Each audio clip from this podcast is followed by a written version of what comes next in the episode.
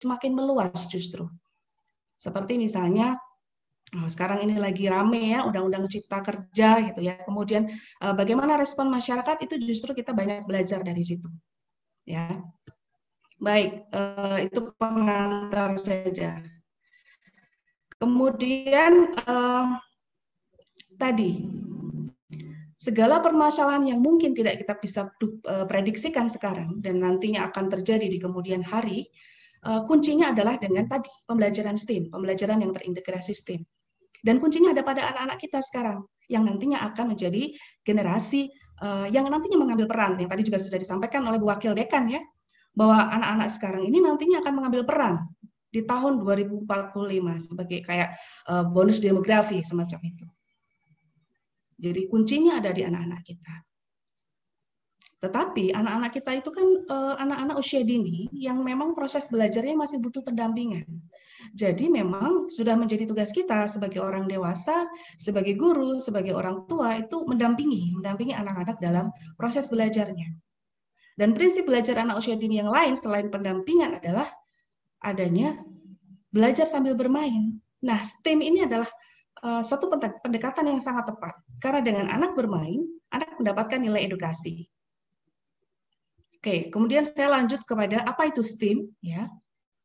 Mengapa STEAM penting untuk anak usia dini? Nah, STEAM itu sendiri dari uh, dari uh, apa ya kepanjang uh, singkatan ya, singkatan dari Science, Technology, Engineering, Arts, and Mathematics. Ya, itu sebuah pendekatan pembelajaran uh, yang terpadu yang mendorong siswa untuk berpikir lebih luas tentang masalah di dunia nyata. Jadi uh, di sini pro kemampuan problem solvingnya itu distimulasi, dilatih supaya anak tidak hanya berpikir satu solusi saja pada pada setiap permasalahan. Sebagai contoh, misalnya kalau kita lihat di uh, lapangan atau di kelas-kelas kita ya, kita menghadapi ada anak yang ketika tidak membawa pensil warna menangis. Nah, ini artinya ber, ber, uh, dapat di uh, kita uh, simpulkan sementara ada kemungkinan anak ini belum belajar bahwa sebenarnya ada banyak benda lain yang bisa menggantikan pensil warna. Sehingga uh, problem solvingnya terlalu sempit. Anak ini hanya beranggapan bahwa mewarnai itu harus dengan pensil warna. Nah, ini akan menjadi bahaya nantinya untuk kehidupan anak ini di masa yang akan datang. Ketika dia menghadapi suatu permasalahan, dia tidak mencoba untuk mencari solusi-solusi yang lain. Tidak punya plan, uh, jadi istilahnya kalau kita uh, ibaratkan kita punya plan A, kita juga harus punya plan B, plan C, dan seterusnya. Berikutnya adalah uh, dengan STEAM itu mendukung pengalaman belajar, ya, mendukung pengalaman anak untuk memecahkan masalah. Kemudian dalam STEAM, kenapa di situ ada art ya? Ada tadinya kan ada hanya uh, eh, STIM aja ya misalnya Science, Teknologi, Engineering, and Matematik saja. Nah sekarang tapi sudah ada artnya di situ. Karena memang uh, artnya ini nantinya menjadi uh, sebenarnya mengaitkan antar keseluruhan bidang itu. Dan bahkan uh, ada nilai estetikanya nanti di sana. Ini tadi yang saya sebut dulu adalah STEM, yang sekarang menjadi STEM. Nah, STEM ini dengan menambah ke art di dalamnya ya dengan beranggapan bahwa penerapan antara uh, ilmu pengetahuan, teknologi, teknik gitu ya, matematika itu akan lebih tepat ketika di situ ada seni dan uh, desain gitu ya. Nggak ubahnya misalnya kita uh, membangun rumah gitu ya. Kita tidak hanya butuh pengetahuan bagaimana uh, membangun rumah itu butuh material apa saja tidak juga kita uh, misalnya kita butuh teknologi oh harus ada um, gergaji mesin misalnya kemudian ada alat-alat teknologi yang lain juga misalnya. Kemudian kita dari segi teknik sipilnya misalnya oh campuran semennya harus sekian dan uh, seterusnya. Matematika proporsinya itu harus dua banding satu atau satu dua banding tiga misalnya untuk membuat cor misalnya. Kebetulan suami saya orang teknik sipil jadi saya sedikit paham Nah, tetapi ketika hanya itu saja yang dipahami, tidak ada artnya di sana, maka rumahnya ya akan begitu saja. Begitu. Uh, mohon maaf mungkin kalau suaranya agak putus-putus, kebetulan tiba-tiba ada notifikasi internetnya sedang tidak stabil. Tapi semoga uh, setelahnya bisa lancar. Nah, ketika ada art di situ, rumahnya akan menjadi indah, nyaman gitu ya, nyaman dipandang, nyaman ditempati dan seterusnya. Nah, STEAM dengan adanya penambahan art tadi ya memungkinkan uh, menghubungkan antara bidang-bidang sains, teknologi gitu ya, matematika itu bersamaan dengan seni tadi. Baik, yang seterusnya uh, tadi di awal saya menjanjikan bahwa kita akan banyak berdiskusi mengenai manfaat STEAM bagi anak usia dini. Nah, yang pertama ini saya hanya menuliskan empat ya, tapi sebenarnya manfaatnya banyak sekali. Yang pertama adalah membantu menghilangkan uh, hambatan, ya, hambatan anak untuk menyampaikan pendapat, ya. Karena selama ini, ketika uh, saya melihat eh, kegiatan-kegiatan yang dilakukan anak-anak di kelas itu lebih pada lebih satu arah, lebih cenderung pada satu arah. Jadi anak uh, mendapatkan tugas untuk menyelesaikan kegiatan, kemudian setelah selesai laporan, begitu saja. Jadi hanya satu arah. Nah, sehingga itu justru menghambat Eh, kemampuan anak untuk menyampaikan pendapat, ide, gitu ya. Nah, di dalam STEAM nanti akan ada banyak sekali kesempatan anak untuk menjawab pertanyaan guru, atau justru bertanya kepada guru, atau justru bertanya kepada kawan, partner, gitu ya. Nah, di situ eh, secara tidak langsung pelan-pelan akan melatih kemampuan anak untuk eh, menyatakan pendapatnya dengan cara yang baik, dengan cara yang santun, dengan cara yang etis, gitu ya. Nah, yang berikutnya fokus pada proses yang membantu mengarah pada inovasi. Jadi dengan STEAM ini nanti anak uh, dilatih fokus pada inovasi. Jadi tidak uh, tidak misalnya kalau nggak bisa begini terus sudah menyerah. Inovasinya apa gitu misalnya. Nah, ini nanti diperlukan keterampilan dari para pendamping, guru maupun orang tua atau mungkin uh, orang dewasa yang lain keterampilan untuk uh, mengarahkan atau mendampingi anak supaya fokus pada proses ya proses yang membantunya dia nanti untuk uh, apa namanya menghasilkan inovasi. Kemudian yang berikutnya mengajarkan uh, ini maksudnya mengajarkan bukan hanya untuk anak ya, tetapi juga untuk pendamping bahwa sebuah observasi itu bisa bermakna. Jadi selama ini kan kita kalau uh, melihat gitu seperti ya sudah kalau sudah mengamati nanti paling ditanya apa yang kamu lihat gitu. Apakah kamu sudah pernah mengalami itu? Kebanyakan hanya sampai di tahap itu saja. Tapi sebenarnya nilai dari pengamatan itu kalau kita explore, explore lagi akan banyak sekali yang kita bisa pelajari. Bahkan di bidang saya di psikologi pendidikan dan perkembangan itu mengandalkan uh, teknik pengamatan untuk mengamati proses perkembangan anak, mengamati uh, bagaimana sebuah keluarga ini mendampingi anak dan seterusnya. Jadi uh, observasi ini memiliki nilai yang tinggi gitu ya. Yang berikutnya adalah membantu mengembangkan kecerdasan visual spasial. Kecerdasan visual spasial itu apa sih sebenarnya kan gitu? Nah, sebenarnya kecerdasan visual spasial ini adalah kecerdasan yang dimiliki oleh anak untuk melihat satu objek dari berbagai sudut pandang, tidak hanya dari satu sudut pandang. Misalnya saja, tadi yang mungkin saya contohkan di awal ya, anak hanya melihat bahwa mewarnai itu hanya bisa dengan pensil warna misalnya. Atau mungkin pada kasus yang lain.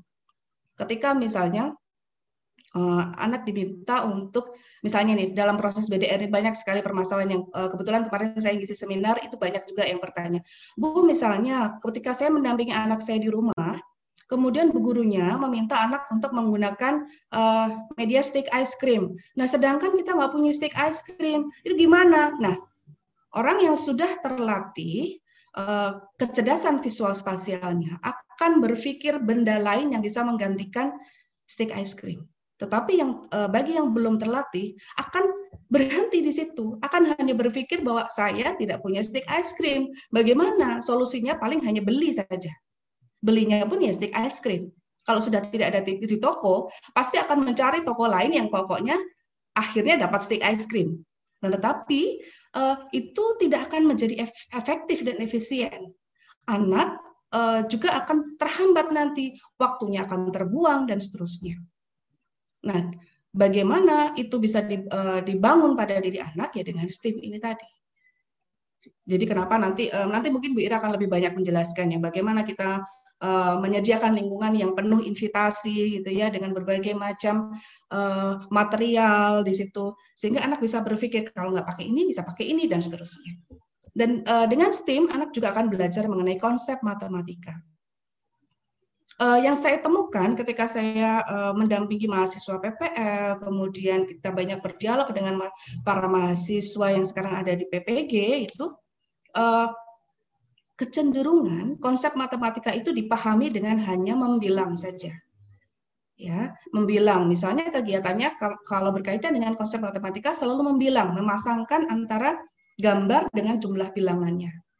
Padahal sebenarnya dalam konsep matematika itu tidak hanya membilang, ada pengukuran, ada menimbang, kemudian ada mengidentifikasi perbedaan dan seterusnya. Sebenarnya masih banyak. Dan ini bisa dikembangkan melalui STEAM. Oke, yang berikutnya adalah komponen dalam STEAM. Uh, ini lebih pada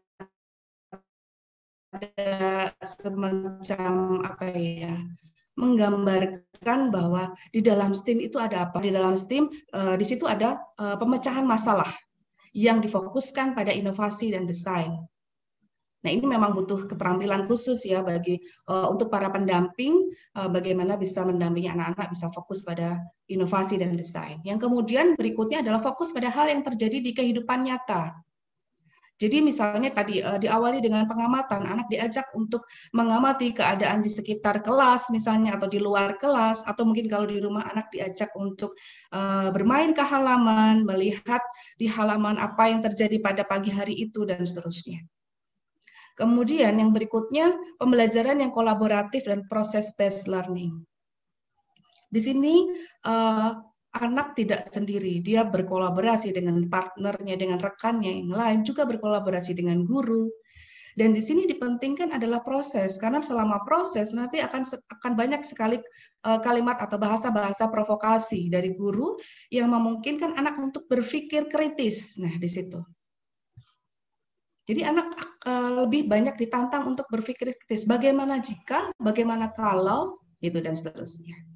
Eh, berikutnya adalah eh, komponen dalam STEAM itu eh, kombinasi ya keterkaitan antara assessment, rencana belajar dan standar pembelajaran kehidupan. Ya, jadi di di dalam STEAM itu kita juga bisa melakukan assessment, kita di situ juga ada perencanaan belajar untuk berikutnya, tahap berikutnya dan. Ini penting sekali ya, kan, eh, apa namanya untuk dipahami oleh para pendidik, termasuk juga guru dan orang tua atau mungkin calon-calon pendidik ya yang saat ini masih ada di bangku eh, S1 gitu ya. Yang pertama adalah pembelajaran inquiry. Jadi eh, pembelajaran inquiry ini lebih pada anak nanti bisa menarik kesimpulan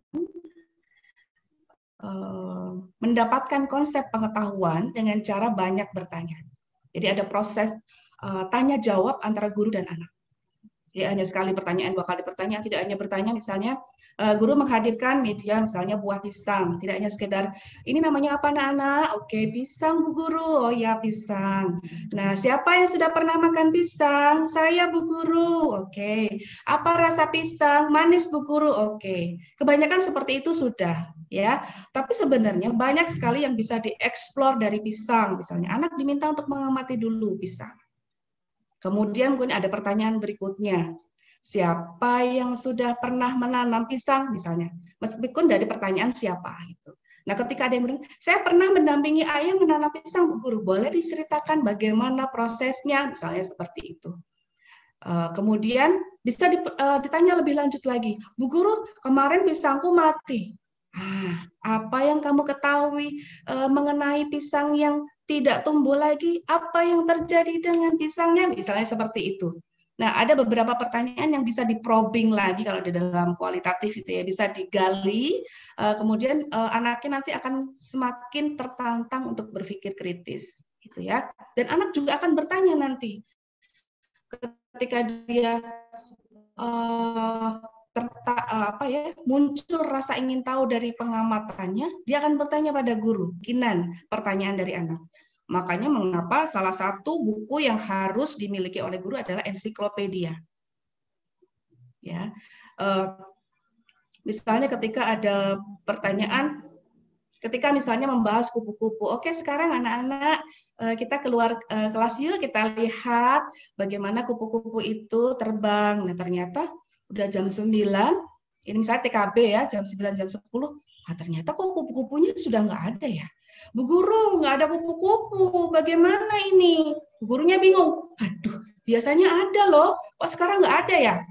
Nah, kalau uh, itu tidak dipahami, uh, kapan saatnya kupu-kupu itu akan uh, terbang, kemudian dia hinggap dari satu bunga ke bunga yang lain, dari satu pohon ke pohon yang lain, maka tidak akan ada jawaban yang uh, logis untuk anak, logis ilmiah untuk anak. Nah, itu harus belajar dari ensiklopedia. Aduh Bu, saya nggak punya uang untuk beli ensiklopedia, mahal. Sekarang banyak sekali sumber-sumber referensi online ya Bapak Ibu ya. Saya juga begitu, ketika ada pertanyaan dari anak, Ketika saya nggak bisa menjawab, sebentar ya nak, mama, sayangnya belum harus belajar lagi. Yuk kita cari di Google misalnya seperti itu. Nggak apa-apa, nggak ada salahnya ya.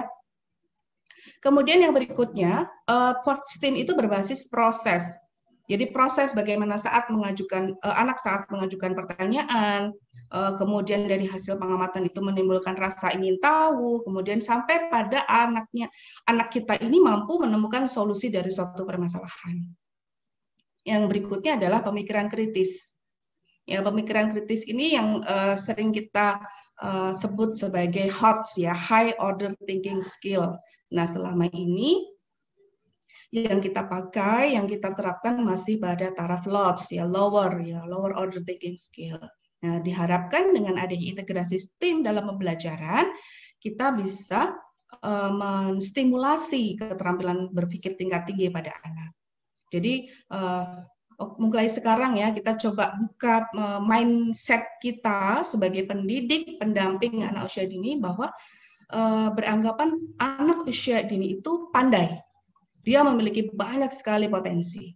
Ya, jadi uh, tidak lagi beranggapan bahwa anak usia dini ah paling juga belum bisa masih TKB. Jangan ya kita sekarang mulai beranggapan bahwa mereka ini sebenarnya adalah anak-anak yang cerdas. Hanya tinggal bagaimana prosesnya, bagaimana prosesnya mendampingi anak-anak ini untuk uh, apa ya, memunculkan potensi-potensi yang ada dalam dirinya. Nah, uh, kenapa tadi dengan STEAM itu akan melatih uh, kemampuan problem solving? Karena memang STEAM itu sendiri memang berawal dari skenario problem solving.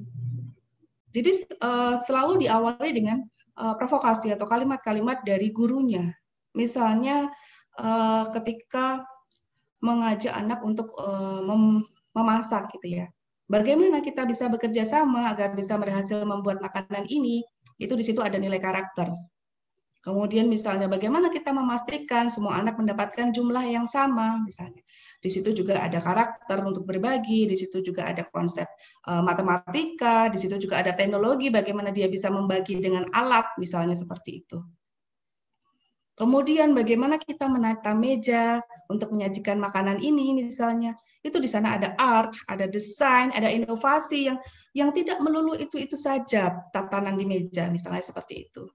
Kemudian uh, masih banyak ya pertanyaan-pertanyaan yang bisa dilontarkan oleh pendamping ya. Bagaimana jika, apa yang terjadi jika dan seterusnya. Oke. Nah, sekarang ini di masa pandemi sekarang ini yang tidak memungkinkan pembelajaran dengan luring, mungkinkah STEAM ini dipraktekkan uh, diintegrasikan dalam program belajar dari rumah? Sangat mungkin. Uh, ini saya nanti teman-teman mungkin bisa melihat ya Bapak Ibu bisa melihat di uh, bisa browsing ini ya STEAM di masa pandemi. Ini saya kemarin browsing dan menemukan ini. Uh, saya melihat ada contoh yang mungkin bisa kita uh, praktekkan bersama. Meskipun ini sederhana karena memang uh, ya kalau kalau di rumah belajar dari rumah orang tua tentunya yang akan menjadi pendamping utama. Nah, memang dibutuhkan mulai dari yang sederhana dulu. Nanti uh, dengan paparan dari Bu Ira teman-teman akan ditantang lagi untuk membuat desain kegiatan, untuk mendesain kegiatan yang lebih fantastis lagi. Nah, itu memang bertahap ya. Butuh proses untuk bisa sampai ke sana.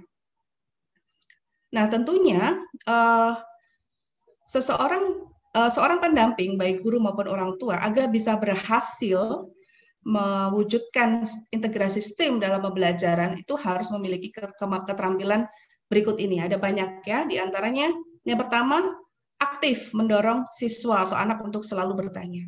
Jadi jangan diam saja gitu ya menunggu anak selesai baru uh, kemudian bertanya sudah selesai belum. Jadi jangan hanya pertanyaan seperti itu saja.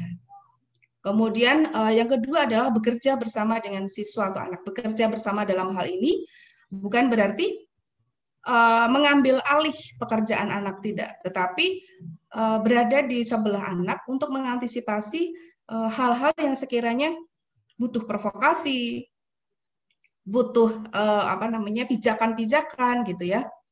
Kemudian yang berikutnya selalu mengajarkan anak untuk berpikir kreatif. Misalnya anak uh, ingin membangun, uh, saya pernah praktek dengan anak saya ya, anak saya saya minta untuk membangun jembatan. Nah, saat itu dia bilang, Mama, ini penyangganya kurang besar misalnya. Bagaimana kita bisa mengajarkan anak untuk uh, berpikir bisa menggunakan benda yang oke okay, menurut kamu. Kau coba lihat di sekeliling kamu, apakah ada benda lain yang bisa menggantikan dengan ukuran yang lebih besar? Dia melihat sekitar. Nggak ada, Mama. Bisakah benda-benda yang uh, sekarang ada di depanmu itu kamu gabung untuk kemudian uh, dijadikan penyangga? Nggak tahu, Mama. Oke, bisa dicoba, gitu misalnya seperti itu. Dan masih banyak keteram, uh, apa namanya ya, dorongan-dorongan yang bisa kita lakukan sebagai pendamping agar anak-anak kita siswa itu berpikir secara kreatif. Kemudian mendorong anak untuk menyelesaikan masalah. Kadang-kadang anak ini yang tidak terbiasa dengan problem ya, tidak terbiasa dengan permasalahan, biasanya akan mudah menyerah di tengah. Aduh, nggak bisa Bu Guru, udah aku nggak bisa, ini gimana jatuh terus, misalnya gitu. Ketika dia misalnya membangun menara, yang lainnya sudah bisa tinggi, dia baru setengah udah jatuh terus baloknya misalnya. Bagaimana Bu Guru aku nggak bisa? Nah, di sini bagaimana kita sebagai guru dan orang tua selalu berada di samping anak untuk mendorong supaya anak bisa menyelesaikan permasalahannya. Dengan kalimat-kalimat uh, support ya, dukungan misalnya seperti itu. Kemudian tadi menggambarkan bahwa di uh, mungkin butuh benda yang lain supaya bangunan itu kuat, supaya menara itu kuat misalnya gitu. Supaya bangunan itu kuat, coba dipikirkan misalnya seperti itu. Bagaimana jika menggunakan ini gitu. Meskipun uh, tidak ditunjukkan secara langsung tetapi guru memberikan alternatif bagaimana jika menggunakan ini, bagaimana jika menggunakan ini dan seterusnya. Kemudian mendorong anak untuk mengeksplorasi sesuatu dan mengambil resiko uh, yang sudah diperhitungkan dampaknya bagi anak. Misalnya, ketika tadi uh, saya mendampingi anak membangun jembatan, misalnya, coba ya mah, aku mau pakai yang ini saja. Oke, silahkan bisa dicoba. Meskipun saya punya prediksi ketika menggunakan uh, benda yang dia ambil itu pasti akan tetap jatuh atau tidak seimbang atau uh, tidak kuat menyangga. Tapi saya memberikan kesempatan supaya anak ini mencoba tetap mengambil resiko gitu ya. Jangan terus jangan, mama udah pernah nyoba, nanti pastinya jatuh gitu, jangan. Atau jangan Bu Guru nggak yakin itu bisa gitu. Jangan. Berikan kesempatan anak untuk belajar dari resiko yang sudah uh, dia ambil gitu. Nanti dia akan belajar, oh ternyata nggak kuat ya misalnya seperti itu. Ternyata nggak muat ya misalnya gitu. Ternyata jembatannya jadi goyang dan seterusnya. Yang berikutnya menguji solusi dari setiap masalah. Nah, ketika sudah jadi, itu boleh di tes ya istilahnya trial gitu. Mau udah jadi jembatannya Bu Guru sudah jadi bangunannya. Oke, sekarang kita coba ada kita coba yuk kita masuk ke dalam misalnya ada orang-orangan di situ. Kita masuk dimasukkan ke dalam bangunan tadi. Ternyata ketika orang itu masuk bangunannya jatuh misalnya. Nah, di situ uh, akan ada terjadi diskusi, dialog yang panjang. Bagaimana itu bisa jatuh? Bagaimana caranya nanti yang percobaan yang kedua supaya tidak jatuh? Di situ akan ada banyak alternatif-alternatif solusi. Gitu ya. Nah, ini contoh yang uh, bisa dipraktekkan uh, dengan STEAM selama PDR gitu ya. Ini sederhana sekali, tetapi uh, dari sini cukup bisa mengintegrasikan STEAM ya. Misalnya dengan cara uh, melibatkan ya, melibatkan anak-anak kita dengan kegiatan memasak. Misalnya pada saat uh, tapi di sini uh, orang tua hanya sebagai pendamping saja ya, pendamping fasilitator, bukan uh, peran utama gitu ya, bukan uh, pemilik, uh, bukan yang melakukan peran utamanya. Kemudian misalnya uh, di bidang matematikanya, misalnya anak diminta untuk mengelompokkan sayur-sayuran berdasarkan warnanya, kemudian menghitung potongan-potongannya dan seterusnya. itu sambil saja sambil lalu. Jadi tidak usah terlalu resmi tidak usah terlalu kaku. Uh, apa namanya? Boleh didokumentasi tapi jangan sampai dokumentasi ini jadi mengganggu dan malah mengacaukan suasana. Misalnya aduh gimana sih? Mama tuh mau foto kamu malah jadi gini. Nah misalnya itu malah mengacaukan suasana gitu Kemudian yang berikutnya uh, menjelaskan kepada anak manfaat dari mengkonsumsi uh, setiap-setiap jenis sayuran itu bagian dari sains juga ya. Kemudian membantu, uh, meminta anak untuk membantu memotong sayuran dengan alat-alat pemotong sayuran yang ada di rumah itu bagian dari teknologi dari mulai teknologi sederhana sampai sampai pada teknologi modern. Kalau di rumah adanya pisau ya pakailah pisau. Kalau di di rumahnya ada pemotong sayuran yang modern juga bisa pakai. Sambil dijelaskan bagaimana teknologi ini uh, bisa bekerja dan meski uh, di situ anak akan mengamati gitu ya bagaimana teknologi itu bekerja. Kemudian meminta anak untuk membuat eksperimen dengan sayuran, misalnya bagaimana jika ini dicampur ini, kemudian dan seterusnya. Dan yang terakhir artinya di situ adalah uh, apa ya menyajikan, menyajikan sajian makanan itu. Biarkan anak berkreasi, gitu misalnya. Saya pernah mencoba untuk membuat apa namanya pisang ya pisang yang ditaburin keju gitu dan uh, meses coklat. Nah biasanya saya itu kalau pisangnya sudah ditata baru keju baru meses. Tapi anak mungkin punya cara yang lain. Misalnya pisang sedikit keju meses baru tumpuk pisang lagi keju meses lagi. Gitu. Ketika ditanya kenapa uh, apa namanya sajiannya dibuat seperti itu biar semuanya merata kena kejunya dan mesesnya kena di semua pisangnya. Nah itu kan berarti anak sudah berpikir bahwa oh supaya uh, mungkin sudah dari pengalaman sebelumnya itu bisa jadi bahwa ternyata yang di bagian bawah itu nggak dapat nggak kena kejunya misalnya dan dan seterusnya gitu ya. Kemudian yang berikutnya contoh berikutnya adalah misalnya uh, melibatkan anak untuk uh, berkebun ya. Misalnya menanam bibit tomat gitu ya dengan menghitung jumlah bibit tomatnya itu ada matematika. Kemudian anak berkreasi dengan pot uh, dari barang-barang bekas yang ada di rumah itu ada art, teknologi, ada engineering juga ya. Uh, kemudian uh, ada sains juga ketika anak mengamati bagaimana pertumbuhan bibit tomat itu dari hari ke hari dan kemudian meminta anak untuk menggambarkan proses pertumbuhan tomat di buku itu juga bagian dari sains gitu. Nah, saya kira itu Bapak Ibu, teman-teman sekalian, uh, sedikit informasi mengenai STEAM. Untuk lebih jelasnya nanti kita akan banyak berdiskusi di sesi tanya jawab ya. Uh, apa namanya? Saya mungkin juga akan banyak belajar dari Bapak Ibu bagaimana kondisi real di lapangan, kendala-kendala di lapangan dan kita akan uh, mencoba pecahkan, kita cari solusinya sama-sama. Baik. Terima kasih. Mohon maaf bila ada salah-salah kata. Assalamualaikum warahmatullahi wabarakatuh.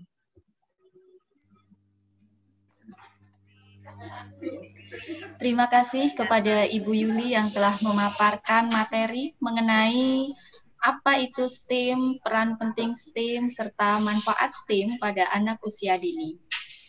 Dan sepertinya sudah ada beberapa pertanyaan dari Bapak dan Ibu. Namun mohon ditahan terlebih dahulu karena kita akan melanjutkan sesi yang kedua yang akan disampaikan oleh Ibu Ira. Sebelumnya akan kami sampaikan CV beliau. Nama Munirah Munawar SPI MPD. Beliau menyelesaikan pendidikan S1 di Universitas Diponegoro, S2 Universitas Negeri Jakarta, serta sedang menyelesaikan S3 di Universitas Negeri Semarang.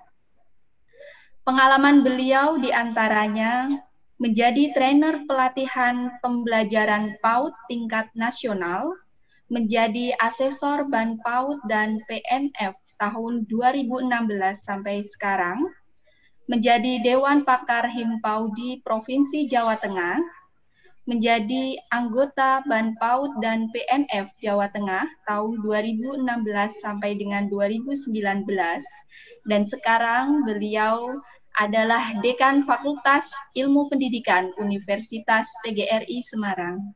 Langsung saja kepada Ibu Ira kami persilakan. Terima kasih Bu Ira. Suara saya terdengar ya? Kurang keras Ibu, mohon maaf. Ya, halo, sudah terdengar? Sudah, sudah Ibu. Berarti harus dipegang ini.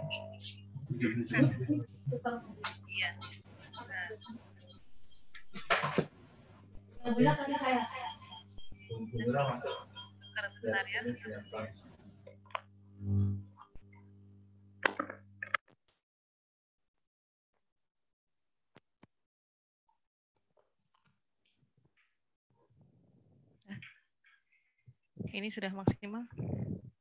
Sudah Mas? Sudah ya? Ya, sudah terdengar suara saya? Iya, baik. Slide-nya.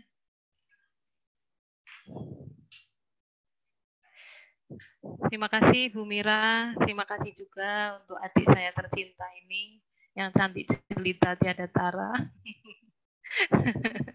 Berlebihan Bu Mira. Enggak. Saya senang sekali. Terima kasih eh, teman-teman uh, semua. Alhamdulillah ini disambut baik oleh teman-teman pendidik, guru TK, PAUD ya semuanya. Saya terima kasih Bu. Ya, saya terima kasih Bu Yuli sudah mau uh, bergabung di tengah-tengah kita untuk sharing ilmunya yang luar biasa. Saya itu sampai menganga, wah ternyata ya pengalaman luar biasa dan juga penguasaan tentang STEAM-nya. Alhamdulillah kita sama-sama banyak belajar. Nah, eh, pagi hari ini eh, kami memang niatnya mau sharing ke teman-teman semua untuk sama-sama mempelajari tentang STEAM dan bagaimana implementasinya di lembaga PAUD gitu ya. Nah, saya menguatkan apa yang sudah disampaikan Bu Yuli dan Bu Yuli nanti juga akan menguatkan apa yang saya sampaikan seperti itu. Eh, teman-teman uh, panitia slide saya bisa ditampilkan. Iya, baik. Saya mengambil judul melibatkan anak dengan STEAM. Ya, Teman-teman yang sudah join pagi hari ini ternyata luar biasa ada 467. Keren banget ya.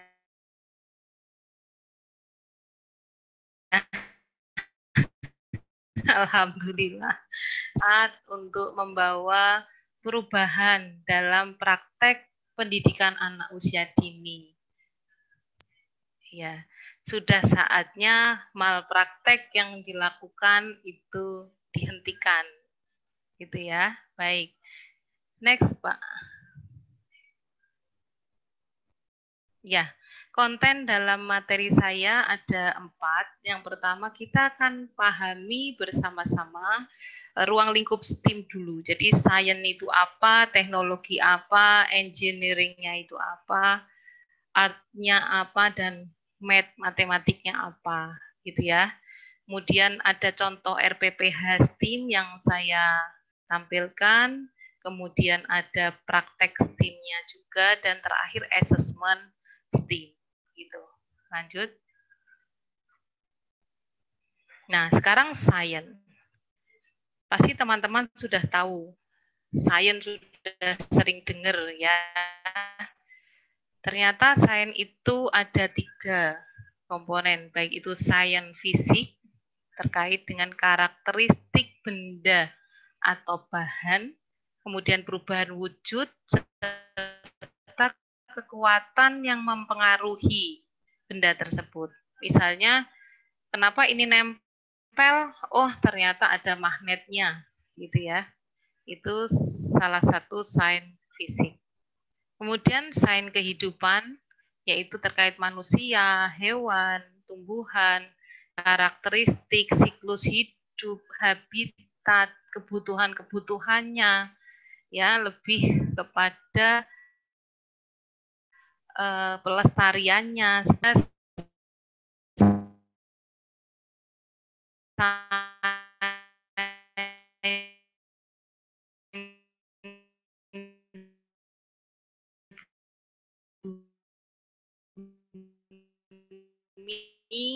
Antariksa ya, komponen-komponen yang di saya harapkan bisa mengantarkan teman-teman tidak memilih tema yang itu-itu saja. Gitu ya. Iya. Next, Pak. Ya. Sekarang teknologi. Teknologi adalah alat yang dipakai anak, baik sederhana maupun digital, ya, yang digunakan untuk bereksplorasi, bereksperimen, memudahkan, membantu menyelesaikan masalah sehari-hari. Ada teknologi sederhana, jadi jangan bicara teknologi itu suatu yang sulit gitu ya. Teknologi itu ada gilingan, ya saringan, corong, penjepit, pipet, pisau plastik, katrol, timbangan, itu semua teknologi sederhana yang bisa digunakan anak dalam pemecahan masalah. Ya, tadi Bu Yuli kan sudah menyampaikan ya, komponen STEAM itu salah satunya pemecahan masalah melalui desain dan inovasi gitu ya. Nah, kemudian ada teknologi digital. Nah, anak-anak sekarang itu sudah kenal Spotify untuk dengerin lagu, YouTube, gadget, komputer, robot dan sebagainya. Ini teknologi-teknologi digital. Mereka sudah sangat dimudahkan. Bahkan gejalanya sekarang anak-anak itu motorik halusnya sedikit lemah ya, karena dia hanya nutul-nutul gadget saja itu. Tinggal dipencet, geser-geser ke mana, gitu ya. Dan ini berpengaruh pada apa? Kemampuan memegang pensil. Kekuatan tiga jarinya ini harus banyak distimulasi dengan main-main aktif, menumbuk, menggiling seperti itu ya, merobek, memeras itu guna untuk kesiapan pegang pensil. Tapi kenyataan sekarang dengan digital semuanya bisa. Anak-anak cenderung hanya aja. Sudah geser ke mana-mana itu. Gitu ya. Nah, selanjutnya Pak.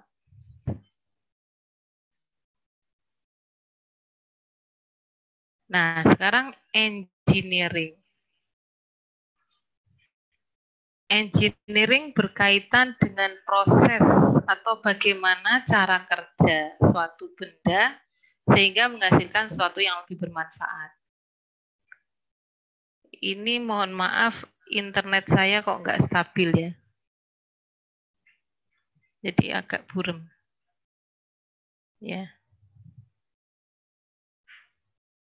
Ya, jadi engineering itu berkaitan dengan proses atau cara kerja. Tadi Bu Yuli kan sudah memberikan contoh ya di kegiatan memasak itu sainsnya, teknologinya apa, engineeringnya di bagian mana.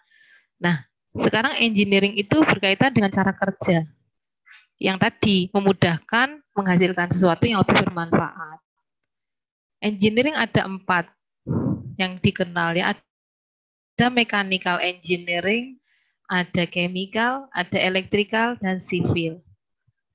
Di PAUD ini yang mana? Kalau di PAUD ini khusus mekanik. Ya, seperti itu. Contohnya apa misalnya? Anak menggunakan uh, timbangan, ya. Anak menumpuk balok untuk mengambil sesuatu, gitu. Dia numpuk-numpuk balok untuk untuk bancian gitu ya, untuk dia manjat mengambil sesuatu. Itu terkait dengan mechanical engineering. Ya, dia menggunakan gilingan untuk membuat uh, untuk menghaluskan makanan, misalnya seperti itu. Itu terkait dengan mechanical engineering. Ya, untuk chemical, electrical dan civil tidak menjadi penekanan di PAUD. Selanjutnya, next Pak. Nah, art sekarang. Art itu apa gitu ya? Saya tekankan di sini art itu bukan craft saja. Ya, karena saya beberapa kali e, melatih STEAM juga, akhirnya cenderung ke karya seni gitu ya.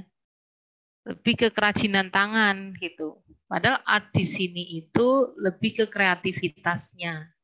Tadi yang sudah disampaikan Bu Juli juga seperti itu ya. Anak-anak membuat makanan pisang coklat keju ya, dia akan menghias segala macam itu lebih kepada penyajiannya yang cantik gimana sih gitu. Ya, menata meja nah seperti itu. Jadi art itu penemuan aktif dan mandiri ya, berkaitan dengan uh, multisensori gitu. Ya.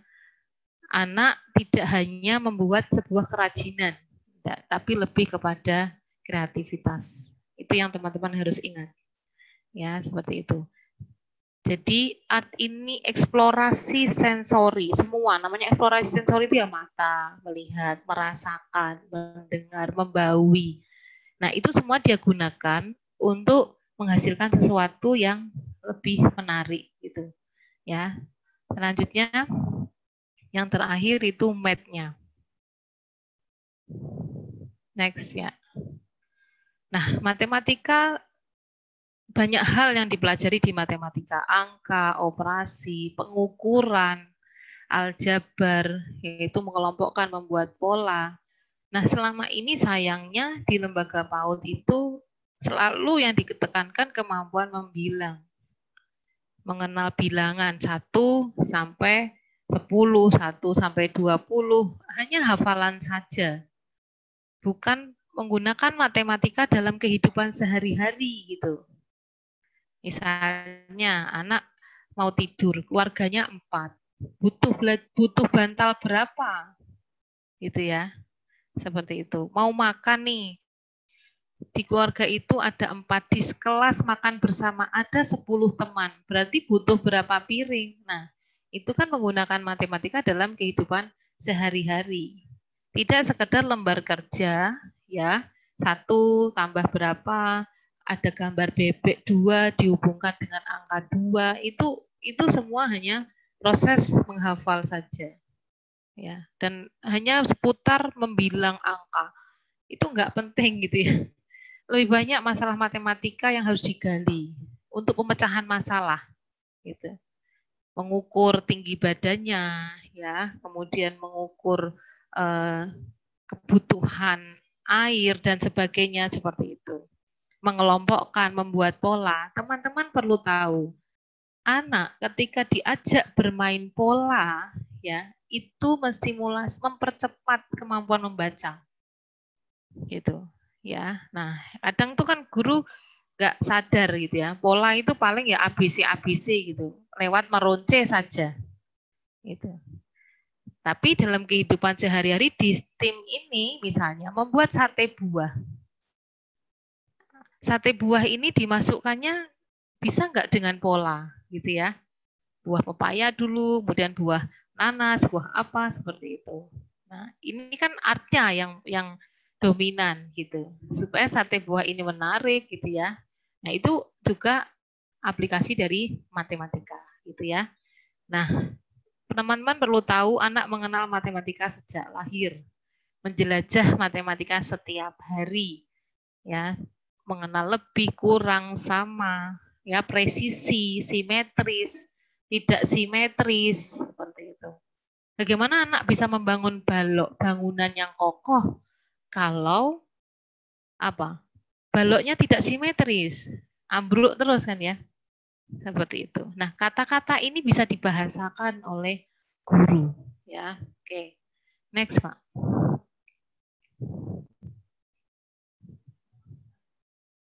Lanjut.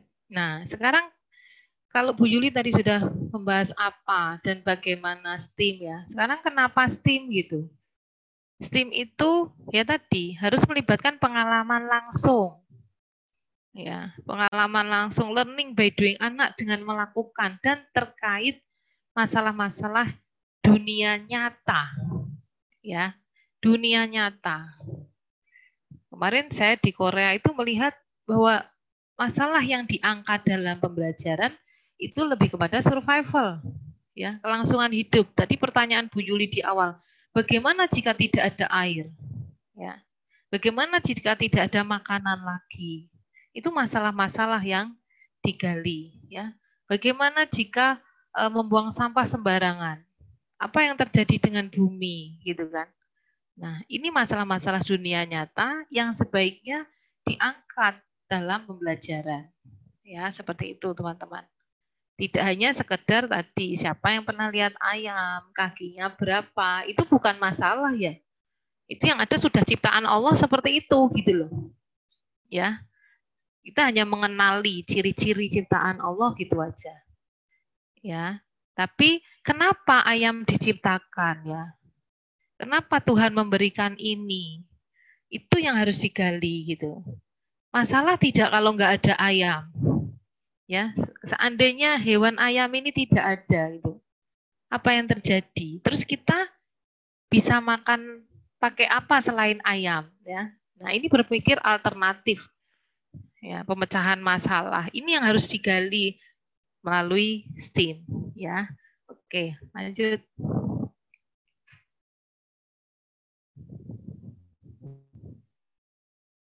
Nah, ini hasil riset yang saya sampaikan. Ternyata masalah di dunia itu hampir sama semua ya. Kalau di luar negeri bicara STEAM sudah sebelum 2011, di kita Indonesia baru sekarang ini ya, baru booming gitu. Ternyata masalahnya apa? Guru kurang memiliki pengetahuan konten STEAM yang memadai. Ya, memang yang paling berat adalah menentukan topik atau tema masalah. Ya, kalau pegadian itu kan menyelesaikan masalah tanpa masalah ya gitu. kalau ini bu guru harus mencari masalah gitu kan untuk anak-anak selesaikan berkolaborasi dengan guru gitu nah satu guru kurang memiliki pengetahuan ya jadi kembali lagi tadi tema itu hanya itu itu saja ya hanya mengenali ciptaan Tuhan misalnya ayam seperti apa, sapi seperti apa, hanya levelnya apa-apa-apa, gitu ya. Nah, yang kedua, guru merasa tidak siap mengajarkan konten STEAM. Ah, ngelok. Ya, ini kan banyak teman-teman PPG ini. Sudah kopior duluan ketika harus bicara tentang STEAM, ya. Ada tensinya naik, ya. Asam lambung naik, semua jadi naik-naik itu puncak gunung, ya. Oke. Nah, yang kedua, guru sendiri underestimate kemampuan anak usia dini pada kegiatan yang terintegrasi STEAM. Apa bisa anak itu? Ya, selalu meremehkan. Gitu, ya. Yang ketiga, guru tidak memberikan kegiatan yang menantang untuk anak berpikir dan terlibat dengan konten STEAM. Gitu. Kembali lagi hanya hafalan gitu ya, hafalan saja. Jadi bukan masalah apa sih yang harus diselesaikan gitu. Masalah yang terkait dengan kehidupan nyata. Bagaimana jika tidak ada air? Itu masalah. Alternatifnya apa? Penggantinya air. Ini yang akan dibahas bersama anak. Kan ada menantang ini pasti. Guru mau nggak mau juga harus berpikir keras ya, seperti itu. Lanjut.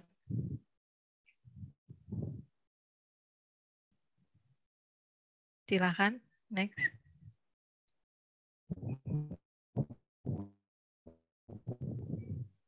Nah, ini saya kasih contoh RPPH. Ya, saya sengaja mengangkat tema serangga. Ya, serangga itu apa gitu ya. Teman-teman, yang termasuk serangga itu apa saja? Walang, kupu-kupu, lebah, ya, semut, jangkrik. Ini kan topik yang seru. Saya ingat waktu saya TK itu senangnya ke halaman ya, ke lapangan, nyari ngejar kupu-kupu, nemu walang, itu sesuatu yang seru gitu. Ya, seperti itu. Nah, subtema yang saya bahas adalah tempat hidup atau sarang dari serangga. Kenapa saya mengangkat serangga? Ya, karena apa? Karena sebagian besar dari serangga ini satu lebah ya, menghasilkan madu ya Kemudian kupu-kupu, ya, apa itu? Memakan apa? Sari-sari bunga, gitu ya. Kemudian walang, kumbang, itu ternyata berfungsi memberikan nutrisi untuk tanah. Ya, nah ini semua semut semua itu ada manfaatnya gitu. Nah, bagaimana ketika tidak ada hewan-hewan ini? Hewan-hewan ini tuh cenderung menjadi pengurai gitu ya. Banyak manfaatnya ternyata gitu. Nah, sekarang saya mengajak anak-anak untuk membangun hotel untuk serangga dan mengamati serangga apa yang datang dan pergi bahkan menjadikan hotel tadi sarangnya. Ya, nah diawali dengan pembukaan, anak diajak untuk berpikir tentang kegiatan alam yang luar biasa karena berfokus pada pengamatan serangga tanpa menangkap. Nah, Bu Yuli kan kekuatan observasi ini luar biasa. Observasi mengamati, fokus gitu. Kunci sukses seseorang itu adalah fokus. Tekun mengamati, tekun pada pekerjaannya, gitu ya. Nah, diawali dengan apa? Cerita. Guru bercerita, di halaman rumah hiduplah keluarga serangga. Mereka membuat sarang di dalam tanah dan tumbukan daun kering. Kan kadang ada semut kan seperti itu ya. Nah, setiap hari mereka keluar masuk sarang untuk mendapatkan makanan ya yuk membangun hotel untuk serangga-serangga tersebut gitu. Ya anak-anak sudah sering mendengar kata-kata hotel pastinya. Nah ini di kota besar. Ya gitu. Kalau kalau di pedesaan mungkin kata-kata hotel diganti rumah singgah atau bagaimana gitu bisa. Ya lanjut. Alat bahannya buku cerita.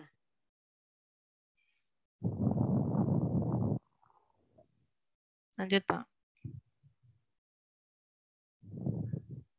Ya, nah ini prosesnya ya. Libatkan anak dalam memutuskan berapa banyak sedotan yang dibutuhkan untuk memenuhi bagian dalam pot. Saya punya skenario untuk membangun hotel tadi, pakai pot, ya, pakai sedotan-sedotan begitu. Ya, ini langkah-langkahnya seperti itu. Anak itu memutuskan berapa banyak sedotannya gitu ya. Kenapa itu saya kasih sign? Karena dia mengenali karakteristik fisik dari sedotan. Ya, sedotan itu bahannya plastik gitu kan ya. Itu sign fisik yang saya pakai. Ya, kemudian libatkan anak mengukur tinggi pot dan membandingkan tinggi sedotan. Ini sudah matematik ya. Dan mengukur itu atau membandingkan itu level hot ya. Tadi Bu Yuli menyampaikan ya bahwa penekanan di STEAM ini adalah hot gitu. Komponen dalam STEAM itu anak memecahkan masalah-masalah apa ini? Ya. Yaitu tadi mencoba mengamati siklus hidup dari serangga-serangga tadi dengan membuat sarang baru gitu. Ya, gitu. Oke, jadi tidak hanya kadang kita tuh kan jengkel ketika di kebun atau di halaman di taman itu bagus-bagus ada rumah hewan-hewan serangga ini malah disapu gitu. Ya, padahal serangga-serangga ini memberikan nutrisi pada tanah gitu ya. Oke. Kemudian teknologi dan engineeringnya Libatkan anak untuk mengikat sedotan menjadi bundel kecil agar tetap menyatu. Jadi dia menggunakan tadi tali ya. Kemudian cara kerja sedotannya tadi dibuat eh, kelompok-kelompok. Mungkin nanti ada serangga yang milih sarang di bundelan pertama.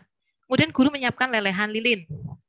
Libatkan anak melapisi bagian dalam pot dengan aluminium tadi, tuangkan lilin ke dasar pot. Ya, biar kuat. Nah, ini juga engineering gitu. ya, mendesain sesuatu. Bangunan ini biar kokoh itu bagaimana, gitu ya. Nah, biarkan uh, lilin tadi benar-benar dingin. Ditambahi jerami-jerami senyaman mungkin lah hotel yang nyaman itu bagaimana? Ya, ini anak diajak berpikir gitu, ya. Kemudian ada art lagi. Libatkan anak melukis atau mendekorasi hotel serangga tadi. Ya, gitu.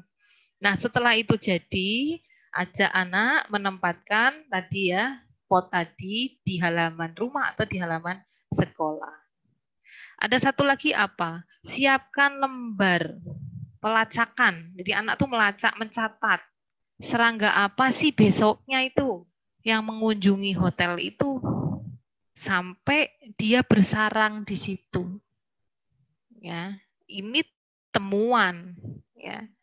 Anak sudah apa namanya fokus gitu ya pada apa yang terjadi di kehidupan. Oh, ternyata semut yang senang hidup di situ.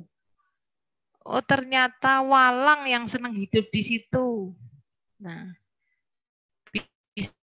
bisa jadi suatu saat menginspirasi untuk membuat pot-pot-pot sebagai tempat budidaya serangga.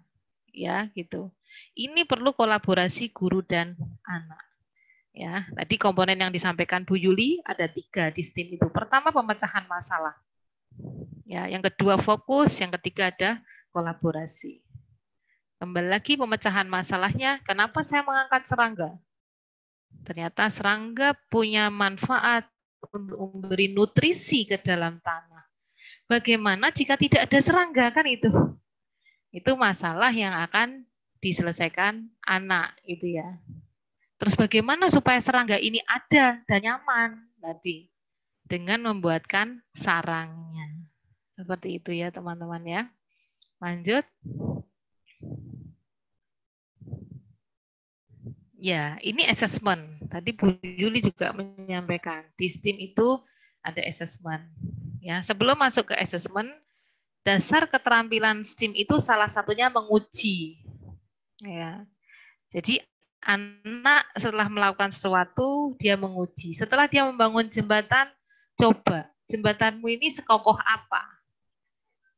Mobil apa yang bisa lewat? Nah, ya, ukuran berapa mobilnya? Kenapa ini penting? Coba teman-teman lihat di jalan raya itu. Kan sering ada tulisan ya, ada plang di atas mobil tinggi sekian yang hanya bisa lewat. Nah kalau itu ditabrak mobil itu, ya mesti nyantol gitu ya. Atau kekuatan jalan ini nih hanya untuk mobil-mobil ukuran mini, tidak bisa dilewati truk. Nah, sama, itu kan dunia nyata seperti itu. Anak setelah membangun, dia diminta menguji mobil seperti apa yang bisa lewat supaya jembatannya tidak roboh. Ya, ini seperti ini nih nanti dia akan terlatih untuk menyelesaikan masalah dalam kehidupan sehari-hari. Ya, tidak sekedar hafalan saja. Nah, saya kasih contoh asesmen perkembangan anak. Saya hanya ambil perilaku engineering aja. Ya, ini contoh ya. Pertama, itu nama anak, tanggal eksplorasinya kapan. Misalnya kalau tadi eksplorasi dengan Hotel Serangga tadi ya, dia mendesain masalah sendiri. Muncul enggak? Mungkin dia muncul banyak ide ketika membuat sarang serangga tadi. Ya.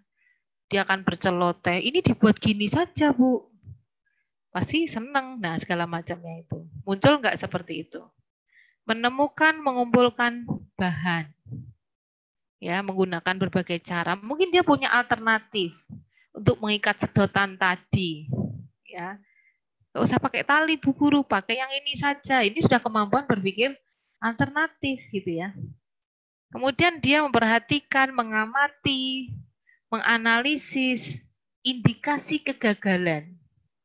Misalnya, kalau seperti ini nanti ya, kalau lilinnya masih panas, semutnya nggak ada yang mau masuk. Nah, itu sudah satu indikasi yang anak-anak prediksi gitu. Ya gitu. Semutnya mati semua nanti. Nah, ini kan luar biasa. Memandang kegagalan sebagai kesempatan memecahkan masalah. Ketika anak gagal mencoba, apa yang harus guru lakukan? Ya, seperti itu. Inilah guru harus memberikan pijakan saat main yang menuju ke asesmen ini, perilaku engineering ini. Kira-kira ya bisa pakai apa selain tali? Nah, ini kan dia akan menggunakan bahan-bahan alternatif. Ya, kira-kira kalau talinya tidak kencang, apa yang terjadi? Ini indikasi kegagalan. Ya, seperti itu. Ya. Kemudian yang kelima, memastikan bagian atau keseluruhan sistem berfungsi. Kalau sudah jadi, nah tadi ya, sarang yang sudah jadi, apakah ini sudah bisa ditaruh di halaman, gitu kan? Apakah semuanya berfungsi dengan baik, gitu? Nah, ini perlu memastikan, perlu diajak untuk memprediksi. Ya. Oh, perlu diganjel batu, Bu, biar potnya tidak ambruk. Atau memang dibiarkan tidur gitu ya di tanah. Biar semutnya naiknya gampang gitu. Ya. Kemudian ada konsultasi dengan orang lain. Gurunya misalnya bisa jadi temannya gitu.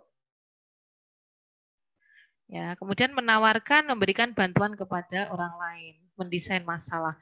Kalau ini muncul anak-anak ini sudah kategorinya BSB, berkembang sangat baik, yaitu dia sudah mampu memberikan bantuan ke orang lain. Ya, seperti itu. Jadi instrumen assessment ini memandu guru ya untuk mengamati perkembangan anak. Seperti itu. Ya, baik. Saya kira itu dari saya, Bu Mira, seperti sudah slide terakhir ini ya.